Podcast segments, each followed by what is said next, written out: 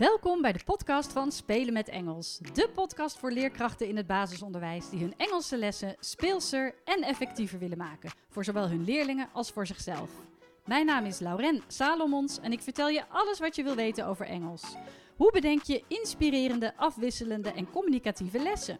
Hoe zorg je ervoor dat al je leerlingen betrokken zijn en blijven? Hoe wordt en blijft Engels een vast onderdeel van jullie onderwijsaanbod? Kortom, alles wat je wil weten over Engels op de basisschool. Ik wens je veel plezier met luisteren. Welkom bij een nieuwe podcastaflevering van Spelen met Engels.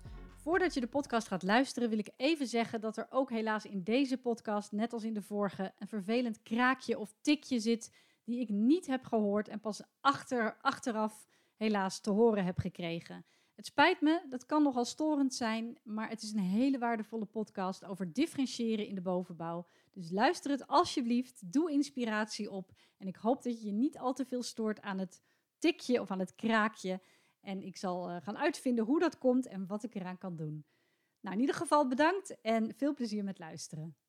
Wat leuk dat je weer luistert naar een nieuwe podcastaflevering van Spelen met Engels. We gaan het vandaag hebben over differentiëren en dan vooral differentiëren in de bovenbouw. Hoe kun je nu vergevorderde leerlingen of near-native leerlingen blijven uitdagen als er ook leerlingen in je klas zitten die Engels nog heel lastig vinden? Dus we gaan vooral kijken naar differentiëren op niveau. Maar er zijn natuurlijk nog meerdere manieren van differentiëren. Je kunt bijvoorbeeld ook differentiëren puur op de situatie. Waar heeft een bepaalde leerling op dit moment behoefte aan? Of waar heeft de groep op dit moment behoefte aan? Je kunt variëren op leerstijl of leervoorkeuren. Uh, elke leerling leert op een andere manier of heeft verschillende voorkeuren om te leren, maar dat hoeft niet voor elke leerling hetzelfde te zijn. En je kunt dus differentiëren op niveau. En daar gaan we ook nog uitgebreid op terugkomen. We beginnen even met die situatie. Je kunt ervoor kiezen om als groepsleerkracht gewoon, als de Engelse les begint, je methode erbij te pakken en netjes hoofdstuk 3, bladzijde 5 te gaan doen, zoals staat aangegeven in de methode. Dat is, waarom we, dat is wat we nu gaan doen. We hebben Engels en we zijn op deze bladzijde gebleven. Maar kijk ook vooral naar de behoeften van je groep. Als er net in de pauze een flinke ruzie is geweest of als ze net een toets hebben gehad van een ander vak, is het dan wel verstandig om op bladzijde 5 van je methode te beginnen? Of is er misschien behoefte aan een spelletje of aan een spreekvaardigheidsopdracht? Dus bekijk even de situatie en bedenk dan: moet ik nu even differentiëren? Moet ik even mijn les gaan aanpassen aan de groep? Of kan ik gewoon, nou ja, op bij wijze van spreken, bladzijde 5 van de methode beginnen? En dat geldt ook voor bepaalde individuele leerlingen. Het kan zijn dat een leerling niet zo lekker in zijn vel zit, of uh, ja, dat hij net even op dat moment ergens anders behoefte aan heeft. Dan kun je daar maar beter op inspelen, op de behoeften van je leerlingen, van de groep of van die individuele leerling, dan daar volledig aan voorbij gaan. Want als je dan toch je Engelse lesje gaat afdraaien, zullen ze niet betrokken zijn en zullen ze dus ook heel weinig leren. Dus dat is even differentiëren op situatie. Bekijk de situatie en bedenk dan wat past nu bij mijn groep. En dat kan zomaar iets heel anders zijn dan dat de methode zegt dat het is. Nou, verder heb je nog dat je kunt differentiëren op leerstijl of leervoorkeuren. Misschien ken je wel de meervoudige intelligenties van Howard Gardner. Nou, daar zijn de meningen over verdeeld, maar wat, wat daar wel in wordt gezegd, is dat er gewoon verschillende manieren van leren zijn. De ene leerling vindt het prettig om bewegend te leren of is heel uh, taalgevoelig, terwijl een andere leerling liever uh, bijvoorbeeld heel graag samenwerkt of juist individueel of meer um, ja, um, kinesthetisch of auditief is ingesteld. Dus die vindt het prettig om bijvoorbeeld uh, zingend iets te leren of een boek te lezen, ik noem maar wat.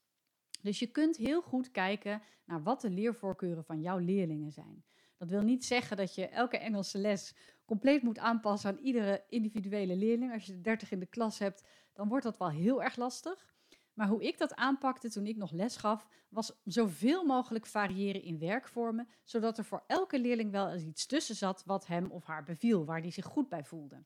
Dus um, nou, ik had ook wel eens een, een, een, leerling in de klas die het vreselijk vond om liedjes te zingen. Maar dan kon ik ook tegen hem zeggen: Ja, we gaan dit nu zingen, want andere leerlingen vinden dat hartstikke leuk.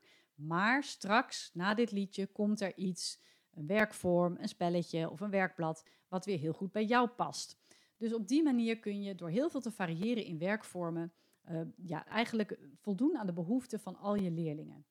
Um, daarnaast is het natuurlijk zo, door heel veel te variëren in werkvormen, dat je alle leerlingen ook echt betrokken houdt en actief houdt. En het is voor jezelf ook een stuk leuker, al zeg ik het zelf. Want uh, je wil niet een hele Engelse les alleen maar bijvoorbeeld vanaf het digibord lesgeven of dat jij aan het praten bent, dat het heel leerkracht gestuurd is. Je wil juist ook een klassikaal spel doen, uh, spelletjes in groepjes, misschien een spreekvaardigheidsopdracht in tweetallen of dan weer even individueel een werkblad. Dus wissel daar zoveel mogelijk in af zodat je leerlingen betrokken houdt, maar zodat je dus ook aansluit bij de verschillende leervoorkeuren. Nou, de derde manier van differentiëren is differentiëren op niveau. En dat is waar we het nu in deze aflevering over gaan hebben, omdat ik weet dat heel veel leerkrachten daar vaak tegenaan lopen. In de onderbouw valt het altijd nog wel mee. Daar zijn ook de niveauverschillen al best wel groot, maar die leerlingen krijg je nog wat makkelijker mee met een liedje zingen en een boek voorlezen. Uh, maar dan vanaf de bovenbouw, of dan, vanaf de middenbouw eigenlijk, wordt het steeds lastiger. Hoe komen die niveauverschillen nou? Nou, dat kan natuurlijk gewoon zijn omdat je een, een near-native of native uh, speaker in je klas hebt. Dus een, een, kind met Engelse ouders of iemand, iemand die in het buitenland heeft gewoond. Maar het kan ook zo zijn dat de ene leerling veel meer Engelse input heeft buitenschool dan de andere leerling. Leerlingen die gamen, die uh, veel op de iPad zitten, YouTube kijken, Engelse liedjes luisteren. Eh, TikTokken. Ik weet niet wat, ze, wat er allemaal nu is om in het Engels te doen. Maar uh, die krijgen zoveel input buiten school.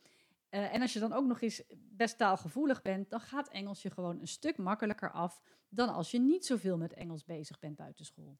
Dus die niveauverschillen worden dan groter. De ene leerling heeft eigenlijk alleen maar met Engels te maken als die Engelse les krijgt op school. En dat is natuurlijk stukken minder dan, dan zo'n gevorderde leerling dat heeft. Dus hoe ga je dat dan aanpakken? Nou, ik geef je uh, diverse tips, suggesties. Ik zeg niet dat dat de perfecte uh, of de enige manier uh, is, maar ik hoop dat je er wat mee kunt en dat je er wat inspiratie kunt uithalen en het zo weer kunt toepassen op jouw leerling of op jouw groep. Um, de meeste leergangen en methodes gaan eigenlijk uit van een gemiddelde groep. En dat wil zeggen dat er dan convergent wordt gedifferentieerd. Dat betekent dat, dat er een basisstof is en die basisstof die wordt verdeeld in niveaugroepen. Uh, dan heb je gewoon de basisstof. Dan heb je de basisstof met verlengde instructie. Hè, voor kinderen die het lastig vinden, die wat meer uitleg nodig hebben, een herhaling. En dan heb je de basisstof met verrijking. Dus leerlingen die wel wat meer uitdaging kunnen gebruiken. Nou, dat is een hele fijne manier van differentiëren, want het vergt heel weinig voorbereiding. Uh, dat zit vaak al in de methode, de 1 sterren, de 2 sterren, de 3 sterren of de zon en de maan en de, en de ster, ik noem maar wat. En je weet precies, dat groepje krijgt dat, dat groepje krijgt dat. Helaas komt deze vorm eigenlijk maar weinig tegemoet aan de behoeften van kinderen die echt ver gevorderd zijn of zelfs meer begaafd, hoogbegaafd of near native. Want dat verrijken, hè, die, die, die, die drie sterren, of nou ja, die, die basisstof met verrijking, is eigenlijk alleen maar meestal meer van hetzelfde doen. Nou, dat is convergente differentiatie. Bij divergente differentiatie wordt er eigenlijk op basis van diagnostische toetsresultaten en eventueel persoonlijke gesprekken met de leerling, wordt er echt gekeken naar de onderwijsbehoeften van het kind. Dus waar heeft deze leerling nou behoefte aan op dit gebied, dus op het gebied van Engels? Dat betekent dat je dus eigenlijk met meerdere niveaus binnen een leergang gaat werken als leerkracht en dat je ook echt individuele eindtermen hebt. Nou, dat is onderwijs op maat. Het nadeel daarvan is dat het veel meer voorbereidingstijd kost en dus ook een goede organisatie, goed klassenmanagement. Want uh, ieder zit een beetje op zijn eigen niveau of je hebt groepjes met verschillende niveaus. Maar daar staat wel tegenover dat leerlingen veel gemotiveerder zullen zijn, veel meer betrokken zullen zijn, omdat, ze, omdat het zo aansluit bij waar zij behoefte aan hebben. En dus zullen ze vaak ook uh, ja, beter het proces doorlopen en betere prestaties leveren. Ze zijn met plezier Engels aan het leren. Nou, waar, waar ik vooral naar wil kijken is naar deze divergente differentiatie. Want ik ga ervan uit dat de convergente differentiatie, dat je die wel hebt in je, in je methode vaak. Hè, die extra bladzijden voor kinderen die wat verder zijn. Of wat meer herhaling voor kinderen die dat nodig hebben. Maar je wil juist kijken naar de kinderen die gevorderd zijn. Hoe kan je die nou blijven uitdagen? Nou, wat je zou kunnen doen als eerste is om bijvoorbeeld vanaf groep 5 aan het begin van een schooljaar een soort instaptoets te geven aan je leerlingen. En daarbij kijk je naar alle vier de vaardigheden. Dus niet alleen eh, lezen en schrijven of, of luisteren, maar juist ook dat spreken is heel erg belangrijk. Eventueel de vocabulaire, maar dat komt in die vier vaardigheden ook wel naar voren. Dus dan weet je wat de sterke en zwakke kanten van elke leerling zijn. Ik had bijvoorbeeld een dyslectische leerling. Nou, je kunt raden waar, die, waar haar zwakke kant was. Dat was natuurlijk schrijven. Lezen viel nog wel mee, maar schrijven was echt uh, behoorlijk zwak. Maar zij had zoveel buitenschoolse Engelse input dat zij vloeiend Engels sprak. En uh, dan weet je dat. Zij is dus heel erg sterk in spreken, maar ze kan nog oefenen op het schrijven. En je weet ook gelijk een beetje het, uh, het niveau van, hè, welke, op welk niveau ze zit, bijvoorbeeld van het Europees referentiekader. Nou, die, die toetsen geven je een beeld. Uh, dat hoef je natuurlijk niet te doen als er al toetsen van in het vorige schooljaar zijn, zijn afgenomen. Maar het is wel fijn om een beeld per leerling te hebben. En dan niet alleen maar te kijken naar, oh, hij had zoveel woordjes goed. Nee, dat, dat zegt eigenlijk heel weinig. Hoeveel woordjes iemand goed heeft, is een kwestie van hoe goed iemand woordjes uit zijn hoofd kan leren. En dat kan die zomaar twee weken later weer vergeten zijn. Dus je gaat niet de kennis toetsen, maar je gaat de vaardigheden toetsen. Hoe goed is iemand in het lezen van een tekst, in het luisteren van een, van, van een, een, een, hoe heet dat? een luisterfragment of een gesprek, in een schrijven van een brief of een verhaal en in het spreken over onderwerpen die dicht bij zijn belevingswereld liggen. Nou, um, dan kun je je opdrachten, uh, en dat kan vanuit de methode zijn, maar je kunt ook wat gaan bekijken op internet dan ga je je opdrachten uh, daarop aanpassen. En bij gevorderde leerlingen of hoogbegaafde leerlingen is het vooral belangrijk dat het een beroep doet, dat de opdrachten beroep doen um, op hun creativiteit. Dus laat ze creatief denken, laat ze onderzoekend denken. Dus zorg dat je iets hebt waarbij ze kunnen onderzoeken. Dat ze zelfstandig ook aan de slag kunnen is heel erg handig, maar ook dat ze kunnen reflecteren op waar ze nu eigenlijk mee bezig zijn. Het is ook fijn als de opdrachten interactie uitlokken en natuurlijk dat het een wat hogere moeilijkheidsgraad bevat, zodat ze echt eventjes hun best moeten doen. Um, dus dat is, dat is wat je, hè, als je even naar de opdrachten kijkt, wat je zou, wat je zou kunnen doen. Nou, um, ik, wil, ik wil ook eens bespreken van, uh, je maakt verschillende fasen door. Als je, zo'n, als je een lessenserie bijvoorbeeld hebt, als je met, met een thema bezig bent, dan heb je verschillende lessen Engels bij dat thema. En ja, als je training van mij hebt gehad, dan weet je uh, dat die fasen bestaan uit een introductiefase, een inputfase, een oefenfase en een transferfase, dus een afsluitende fase. En ik wil je wat tips geven per fase die je zou kunnen inzetten voor, uh, ja, om voor gevorderde leerlingen te differentiëren. Um, in zo'n introductiefase kun je daar eigenlijk al heel goed achter komen wat de verschillen van leerlingen zijn. Dus je gaat een nieuw thema introduceren. En dan kun je door middel van vragen stellen, door middel van een praatplaat, door middel van mindmaps maken, dan kom je er vanzelf al achter, oh, die leerling weet al heel veel over dit onderwerp. Deze leerling weet nog eigenlijk helemaal niet zoveel, die zal wel extra aandacht nodig hebben. Dat betekent dat ik nu al in die introductiefase kan gaan kijken, hoe zorg ik ervoor dat mijn eindopdracht varieert? Je kan één vaste eindopdracht hebben, ik noem maar wat. Um, Jullie gaan allemaal uh, uh, een, een, huis tekenen en jullie kunnen de kamers in jullie huis benoemen. Ik noem maar wat. Nou, dan heb je één vaste opdracht. Of um, je kan straks uh, je uh, klaslokaal, in het klaslokaal een rondleiding geven en bepaalde dingen aanwijzen die je hebt geleerd. Nou, dat kan.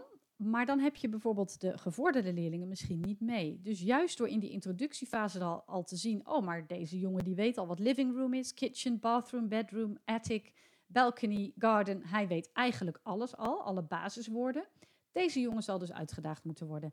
Voor hem ga ik niet um, de opdracht teken je huis en benoem de kamers, maar design your own dream house and use at least five different gadgets. Ik noem maar wat. Dus dat ze dat hij verschillende gadgets in zijn huis moet verwerken en die moet kunnen benoemen. En, uh, of een house of the future, dat hij een soort toekomsthuis moet, moet kunnen maken en, daar, en dat moet kunnen presenteren.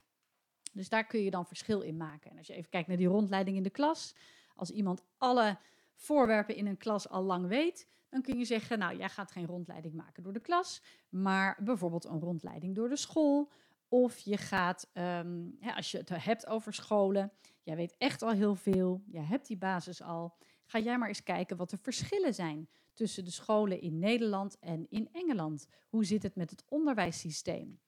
wat, uh, wat valt je op aan het onderwijssysteem in Engels? Wat vind je ervan dat ze bijvoorbeeld uniformen moeten dragen? Wat zijn de voor- en nadelen? Dus dan op die manier geef je hen een onderzoekende vraag mee. En dat bedenk je eigenlijk al in die introductiefase, zodat je leerlingen ook kunt motiveren daarvoor. Van nou, we hebben dit als thema, maar don't worry, ik weet dat jij daar alles al van weet, dat blijkt nu ook wel.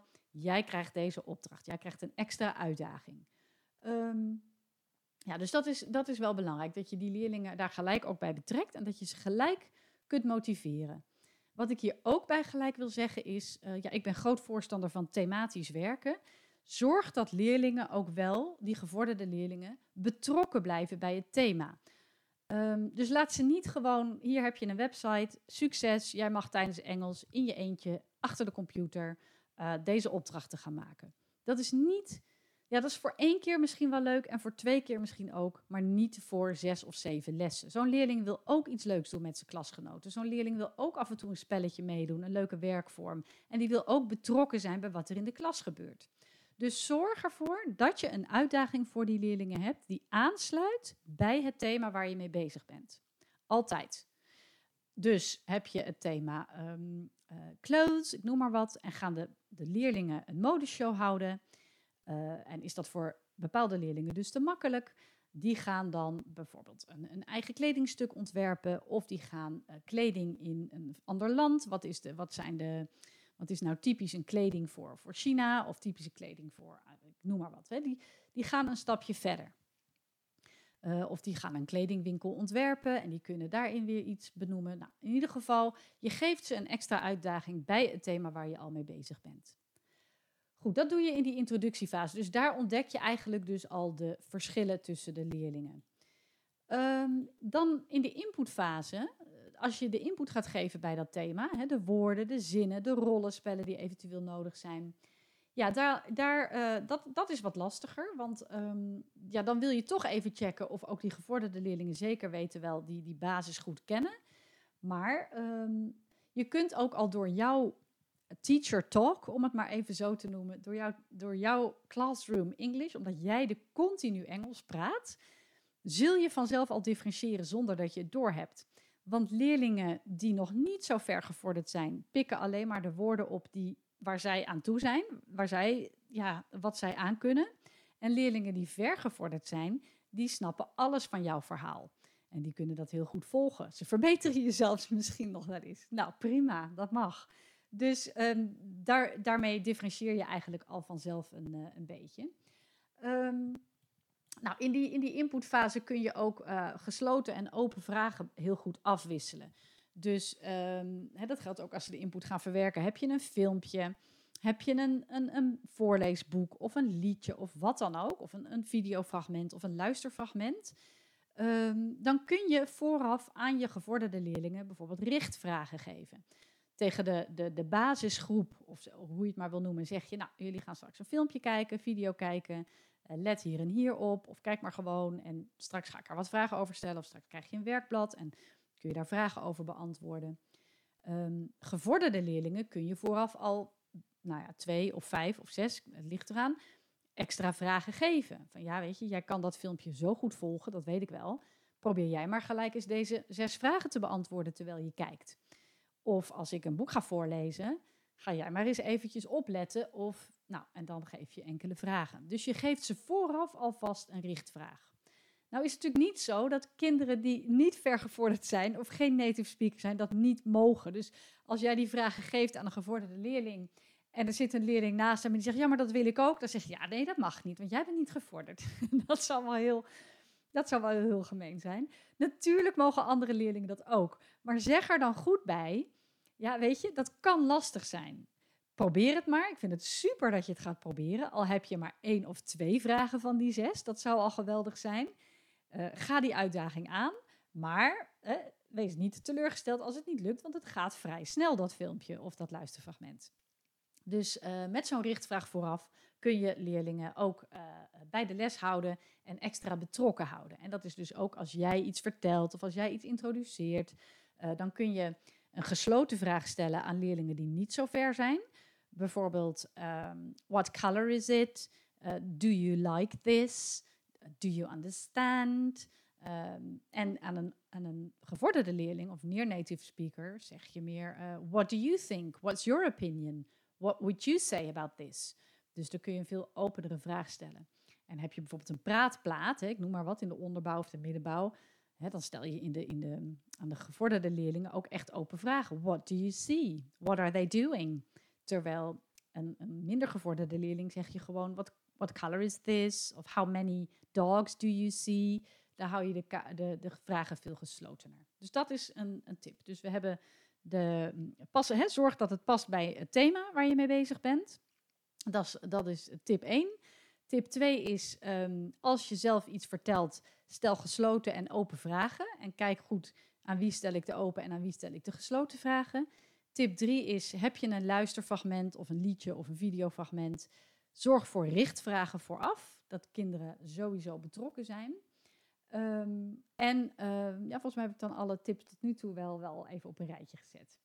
En ja, dat ze sowieso extra vocabulaire oppikken als jij Engels praat. Hè? Want het is gewoon dat waar ze aan toe zijn, daar, uh, daar zullen ze vanzelf dan, uh, dat zullen ze ook oppikken.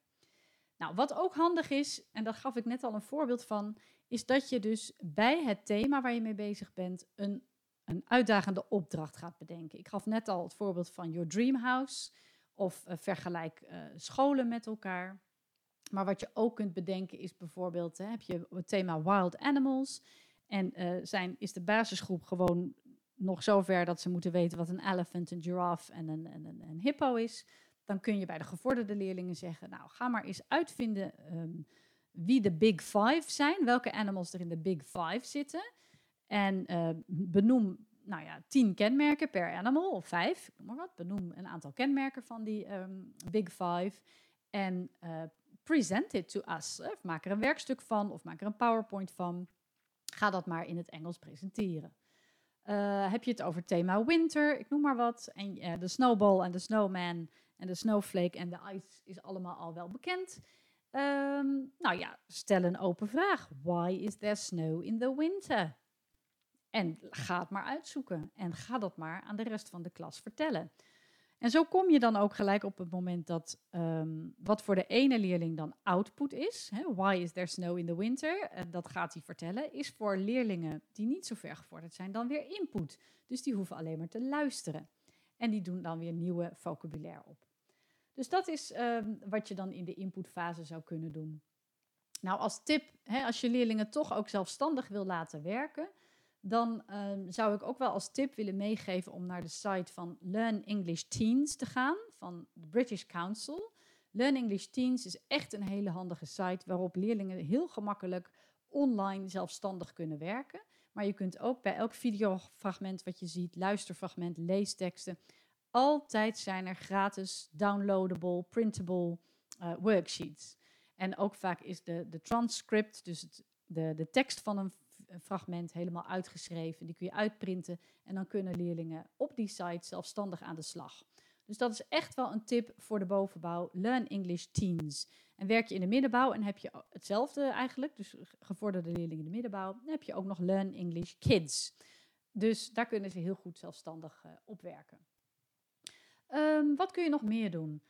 Um, wat je eigenlijk ook doet met gevorderde leerlingen, is dat ze niet zo lang in die inputfase blijven hangen.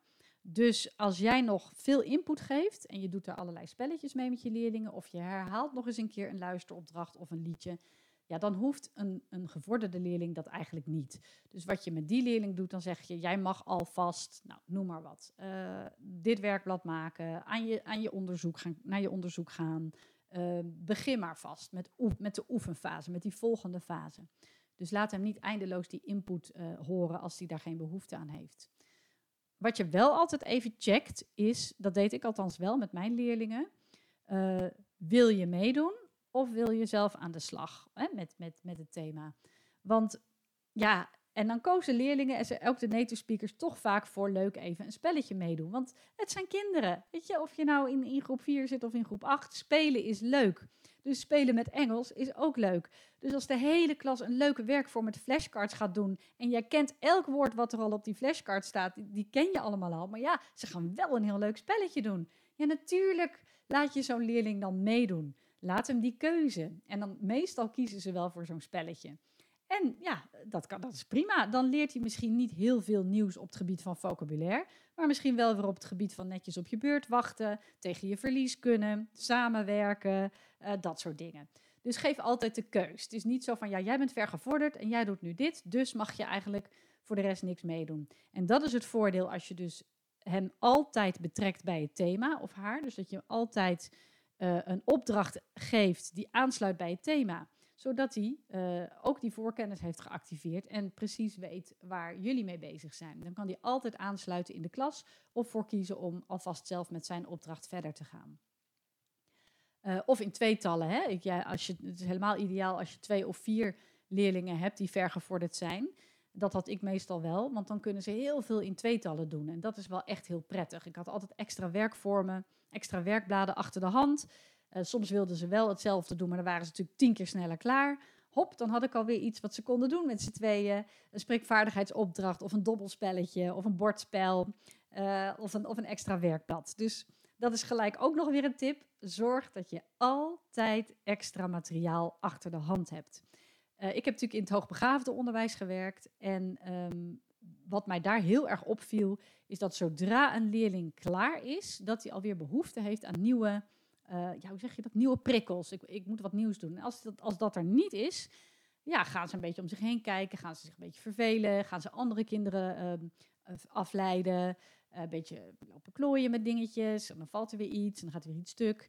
Dus uh, voordat ze de kans kregen om zich maar te gaan vervelen of om zich te laten afleiden of uh, kinderen zelf af te leiden, hop, dan had ik alweer iets nieuws voor hun neus liggen. Ga maar deze puzzel doen.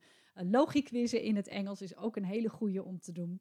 Dus dan had ik alweer iets nieuws, zodat ze zich niet konden vervelen en zodat ze alweer een nieuwe uitdaging kregen. Dus zorg ervoor dat je altijd extra materiaal achter de hand hebt en leg dat in je English Corner. Nou, weet je niet wat een English Corner is? Uh, lees even mijn blogs of uh, volg mijn online cursus. Dan krijg je daar uitgebreid uh, informatie over. Of een training natuurlijk. Maar in je English Corner zorg dat je daar extra materiaal, extra werkvormen, extra werkbladen hebt liggen. Zodat leerlingen daar ook zelf naartoe kunnen lopen. Zodat het bijna een gewoonte is voor leerlingen. Oh, ik ben eerder klaar, maar ik weet nu wat ik moet doen. Ik kan naar de English Corner en daar ligt iets voor mij wat aansluit bij mijn niveau. En ook bij het thema waar we mee bezig zijn. Goed, dus dat uh, zijn voorbeelden van, uh, van de inputfase. Nou, in de oefenfase gaan ze dus echt, ja, logisch oefenen met het thema. Um, en daar kun je, wat je daar heel goed kunt doen, is die werkvorm. Heel veel differentiëren in werkvormen. Dus die verschillende leervoorkeuren komen daar goed naar voren. En dan zul je zien dat ook de gevorderde leerlingen, de near natives, dat je die heel erg betrokken houdt. Uh, doe veel beweegspelletjes, beweegopdrachten. Um, en je kunt ook heel veel spellen op meerdere niveaus spelen. Speel je bingo, geef een gevorderde leerling twee of zelfs drie bingo kaarten. Um, speel je memory. Een gevorderde leerling mag niet alleen het woord zeggen als hij een kaartje omdraait, maar hij moet er een hele zin mee kunnen maken of een rijmwoord op verzinnen.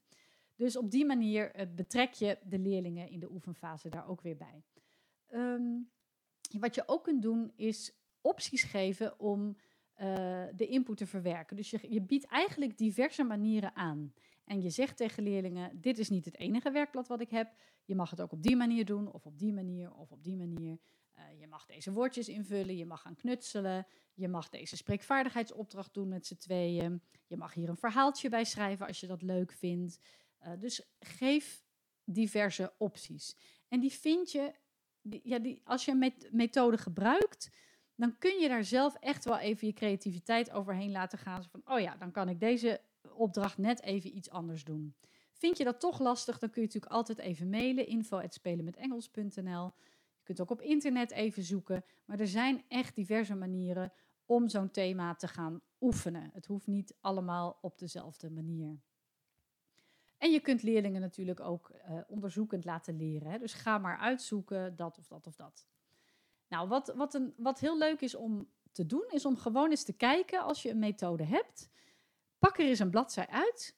En uh, dat is eigenlijk een soort opdracht die ik ook vaak in mijn live, uh, in mijn fysieke studiedagen doe en natuurlijk ook in de online cursus. Uh, en ga gewoon eens zo'n opdracht bekijken. Dat is waarschijnlijk best een saaie opdracht. En hoe kun je zo'n opdracht nou speelser maken? Hoe kun je een opdracht nu communicatiever maken? Hoe kun je een opdracht uitdagender maken? Welke ideeën komen er in je op om zo'n simpele opdracht uit een methode, om die speelser, communicatiever en uitdagender te maken? Of als het juist te moeilijk is voor je leerlingen, hoe kan ik hem vereenvoudigen? Nou, een van de tips die ik daarbij wil geven is: zorg dat je altijd flashcards hebt bij het thema waar je mee bezig bent. Veel methodes hebben wel flashcards in de onderbouw en dan stopt dat op de een of, een andere manier vanaf groep 5. Nou, dat is heel jammer, want ook kinderen in de bovenbouw ja, zijn visueel ingesteld en vinden het prettig om plaatjes te hebben bij de woorden die ze aan het leren zijn. Dus zorg voor flashcards. Niet alleen omdat het gewoon visueel handig is en dat je die kan ophangen op school, in de klas en alles. Maar ook omdat je daar weer heel veel diverse werkvormen mee kunt doen. En dat je leerlingen daar ook zelfstandig mee kunt laten werken. Net als met memory spelletjes. Dus uh, ja, dat is wel echt een tip die ik je mee wil geven. En hetzelfde geldt voor woordmatten. Dus uh, ja, woordmat is een, een, ja, een soort van poster met plaatjes, met of zonder woorden. En ook daar kun je diverse opdrachten mee doen en kun je leerlingen zelfstandig mee laten werken. Bijvoorbeeld I spy, hè, dat ze moeten, een woord moeten omschrijven of een kleur en dat de andere leerling dan moet raden welk woord de ene leerling in zijn hoofd heeft. Dat zijn enkele ideeën die je in zo'n oefenfase kunt doen. Uh, en heb je leerlingen uh, in de, aan het begin van de lessenserie een opdracht meegegeven, zoals Design Your Own Dream House of uh, uh, compare the, schools in, in Britain and in the Netherlands, dan kunnen die leerlingen natuurlijk in die oefenfase ook zelfstandig aan de slag. En jij kunt rondlopen en begeleiden en helpen waar nodig. En dat kunnen ze dan in tweetallen doen. Uh, dat, dat, dat kan allemaal. Um, dan komt die laatste fase en in die transferfase laten ze eigenlijk zien wat ze hebben geleerd. En nou, daar kun je dus uh, die differentiatie, nou kun je dus gaan kijken, is het, is het goed overgekomen en hebben ze zich inderdaad aan de opdracht gehouden? Um, wat je bijvoorbeeld kunt doen ook nog, en dat heb ik ook nog niet eens uh, verteld, is dat als een leerling zegt, ja, ik wil geen presentatie geven, ik wil niet weer een werkstuk maken, ik wil iets anders. Wat ook nog een goede tip is dat je leerlingen, de gevorderde leerlingen, een les laat maken. Dus zij gaan een lesje geven aan hun klasgenoten. Nou, dat was bij, mij, bij mijn leerlingen een heel populaire opdracht. Dat vonden ze ontzettend leuk, want dat sloot wel aan bij het thema. En uh, vervolgens gingen ze dus zelf een, een soort van input bedenken. Welke, welke woorden hebben ze, gaan ze, ga ik ze aanleren? Ze gingen zelf op internet een werkblad maken of een woordzoeker of hè, zoiets. En daar had ik ook wel tips voor natuurlijk. Je laat ze niet geheel vrij, want dan komt er ook weer niks. Hè? Je, geeft ze de vrijheid binnen bepaalde kaders. Dit is waar je je aan houdt. Um, en dan gingen ze zelf een werkblad daarbij verzinnen of een werkvorm. En daar kon ik ze dan ook bij helpen. Hoe gaan die kinderen nu, hoe gaan jouw klasgenoten nu die woorden oefenen? En op die manier uh, geven zij dus in die laatste les, in die laatste, in die laatste fase, uh, geven ze geen presentatie of, of laten ze niet een rollenspel zien of een werkstuk, maar geven ze een lesje aan hun klasgenoten. Nou, dat is natuurlijk ook superleuk. En ze kunnen bijvoorbeeld, zo had ik een keer een leerling, die wist eigenlijk alles al van shops en my town en uh, van giving directions, you go to the left, you go to the right. Dat wist hij allemaal al. Maar hij zegt, ik vind het wel heel leuk om iets, om zelf een les te geven over dit thema. Dan blijft het voor hem geen input, dan moet hij dus echt gaan oefenen en hij moet instructies gaan geven. En toen heeft hij een hele mooie PowerPoint gemaakt. Hij had een plattegrond helemaal gemaakt waar leerlingen dan met z'n tweeën uh, een, een, opdracht bij konden doen. En hij vertelde dat allemaal in het Engels. Dus op die manier uh, is dat een hele leuke uitdaging voor kinderen die vergevorderd zijn. Laat ze een les bedenken voor hun klasgenoten uh, bij het thema. En dan geef je bepaalde richtlijnen. Bijvoorbeeld, de les duurt maximaal 10 minuten. In die les geef je input, je geeft ze iets om te oefenen met een werkblad en een werkvorm. Uh, en je sluit de les netjes af. Van wat hebben jullie nu geleerd, bijvoorbeeld. Dus hè, op die manier uh, geef je bepaalde kaders. Nou, wat kunnen ze nog meer doen? Natuurlijk, een, wat ik al zei, een presentatie geven of een werkstuk maken. Ze kunnen elkaar interviewen of um, iemand anders interviewen. Ze kunnen uh, een schrijfopdracht bedenken. Uh, een verhaal schrijven, bijvoorbeeld bij het thema waar ze mee bezig zijn. Een wat uitgebreider werkstuk. Ze kunnen zelf een spel bedenken en, uh, bij het thema en die uitleggen aan hun klasgenoten. Een vlog maken, nou, dat soort dingen eigenlijk allemaal. Ze kunnen eventueel ook zelf, heb je in je thema een rollenspel, Nou, laat die gevorderde leerlingen maar zelf een rollenspel schrijven. En dat helemaal uitwerken. En vervolgens dat ook naspelen. Nou, dat is helemaal ook een leuke opdracht. Dus op die manier allemaal tips om die gevorderde leerlingen betrokken te houden bij je les, maar toch ook zelfstandig te laten werken op hun niveau. Goed. Ehm, wat je verder nog zou kunnen doen, is dat je leerlingen zelf vraagt waar zij graag aan zouden willen werken. Dat deed ik eigenlijk standaard twee keer per jaar vanaf groep 5, 6. Uh, hadden ze een portfolio. En in dat portfolio stond, uh, ja, waar sta ik nu? Waar, waar ben ik goed in? Wat vind ik lastig? Dat gingen ze dan invullen. Waar wil ik aan werken? En hoe ga ik dat aanpakken?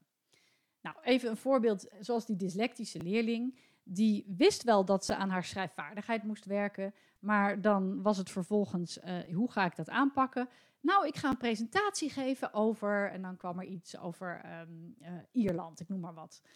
Uh, en dan zei ik, ja, weet je, en dan, en dan overleg je dat ook met die leerlingen. Van, dat is heel leuk, maar een presentatie geven, is dat echt iets waar jouw uitdaging ligt? Is dat iets waar jij moeite mee hebt?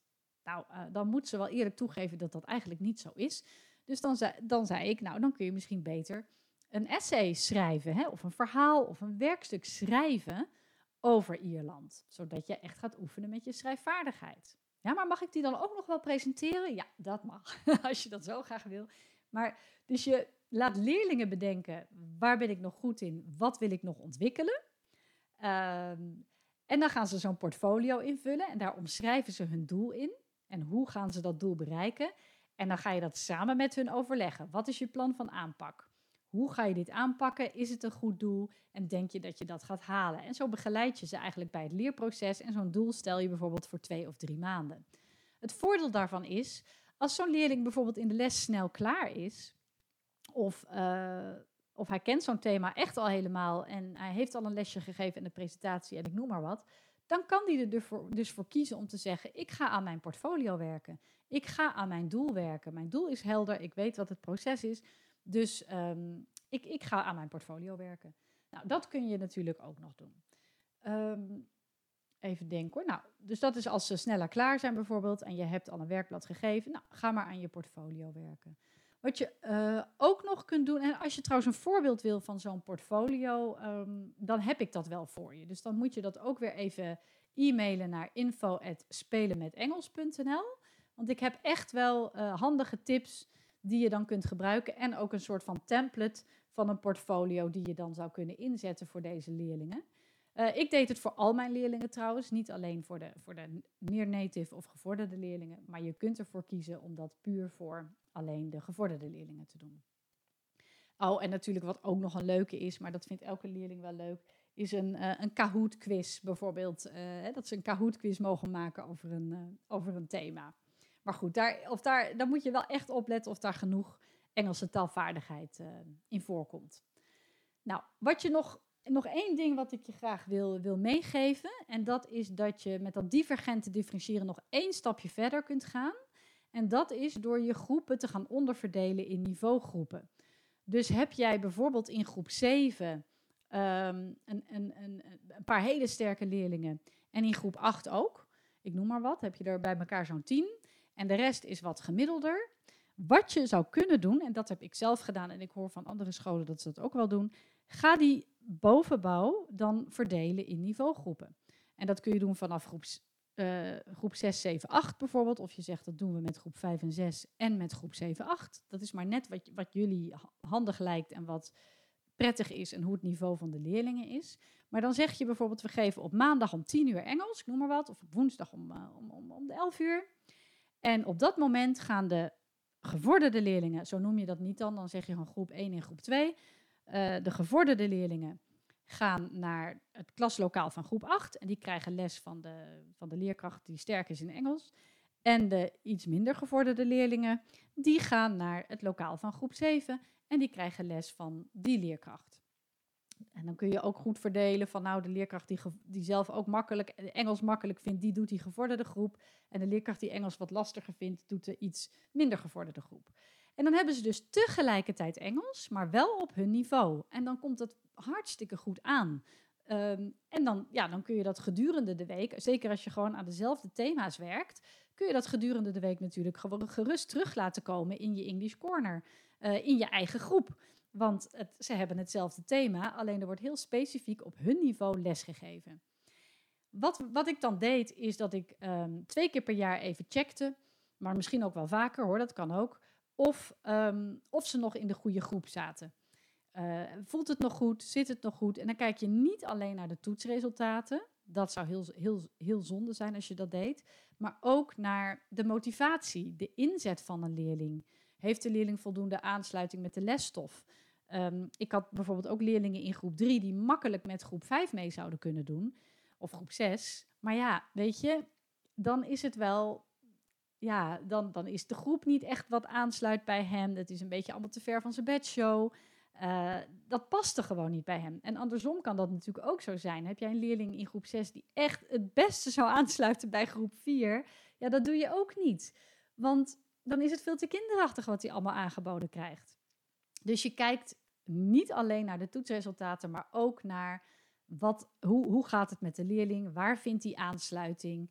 Hoe zet hij zich in in de les? Vind ik ook een hele belangrijke. Want de leerling kan wel roepen: ja, ik kan wel hoger niveau, want ik kan het allemaal heel goed. Maar als hij vervolgens niks doet, ga je eerst maar eens bewijzen. Hè? Dat je dan ook echt wat gaat doen en dat je, uh, dat je die uitdaging aan kan. Kijk naar de groepsamenstelling. En overleg ook met leerlingen. Een leerling kan zelf, vind ik, ook af en toe best zeggen van... nou, ik denk dat ik wel een, een groep hoger kan. Of ik, nou, ik weet niet of ik hier wel goed zit. Nou, dan overleg je en dan kun je dat ook eens uitproberen. Draai eens twee of drie lessen mee met die andere groep. En kijk maar of het je bevalt. Dus op die manier kun je ook nog differentiëren. Um, je laat ze even proefdraaien. Je kunt zelf goed inschatten waarschijnlijk wel bij, wat het beste bij hem past. Uh, tenzij je een leerling hebt die regelmatig onderpresteert. En dus dan is het lastig, want die kiest natuurlijk altijd een lager niveau. Dus in zo'n geval moet je misschien wat minder overleggen en gewoon zeggen: jij kan een hoger niveau aan. Dat weet ik zeker. Uh, dus dan moet je dat vertrouwen ook in die leerling, uh, in die leerling hebben en uitstralen. Um, dus op die manier zou je dus ook nog kunnen differentiëren. Verdeel de groepen in twee of meerdere niveaus. Geef tegelijkertijd les en iedere leerling gaat naar zijn eigen niveaugroep. Dat geeft ook heel veel rust. En het is ook niet zo van, oh, jij zit in een lagere niveaugroep dan ik. Zo, ja, dat is natuurlijk niet de bedoeling. Maar juist, we doen dit zodat iedereen zich veilig voelt in de groep. Zodat iedereen zich prettig voelt. Zodat de kinderen die niet zo ver gevorderd zijn, niet elke keer ondergesneeuwd worden door kinderen die steeds het woord nemen omdat ze beter zijn in Engels. En andersom, kinderen die goed zijn in Engels hoeven niet te wachten, hoeven niet te zuchten, hoeven zich niet te vervelen, omdat het allemaal zo langzaam gaat.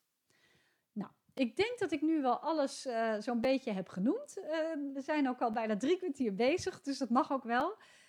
Nogmaals, uh, kijk naar je leerling. Waar heeft een leerling behoefte aan?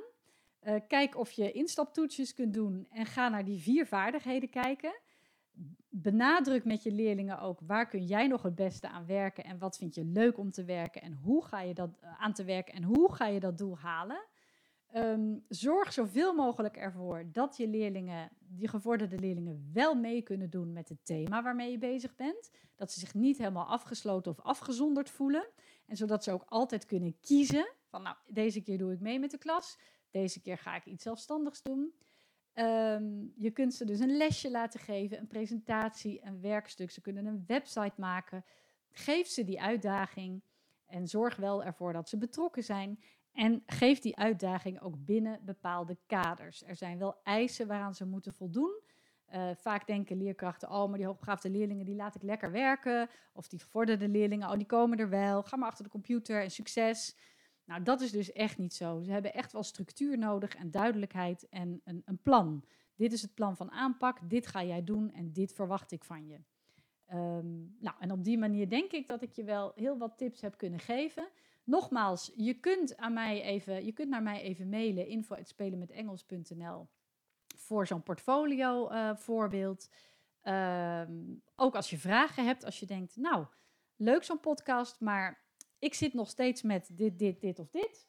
Ook dan kun je altijd eventjes mij mailen. Ik help je graag. Je mag me ook bellen. Dan brainstormen we er even over. Want ik weet dat het niet makkelijk is om, uh, om zoveel niveauverschil in je groep te hebben. En ik denk dus ook graag met je mee. En daar kan ik ook alleen maar weer van leren. En dan kan ik ook weer andere leerkrachten daarmee helpen. Dus uh, doe dat gerust. Nou, ik wil je hartelijk bedanken voor je tijd en voor je aandacht. Ik zou het heel erg op prijs stellen als je deze podcast deelt met collega's. Als je bijvoorbeeld een screenshot maakt van de podcast en dat deelt op social media.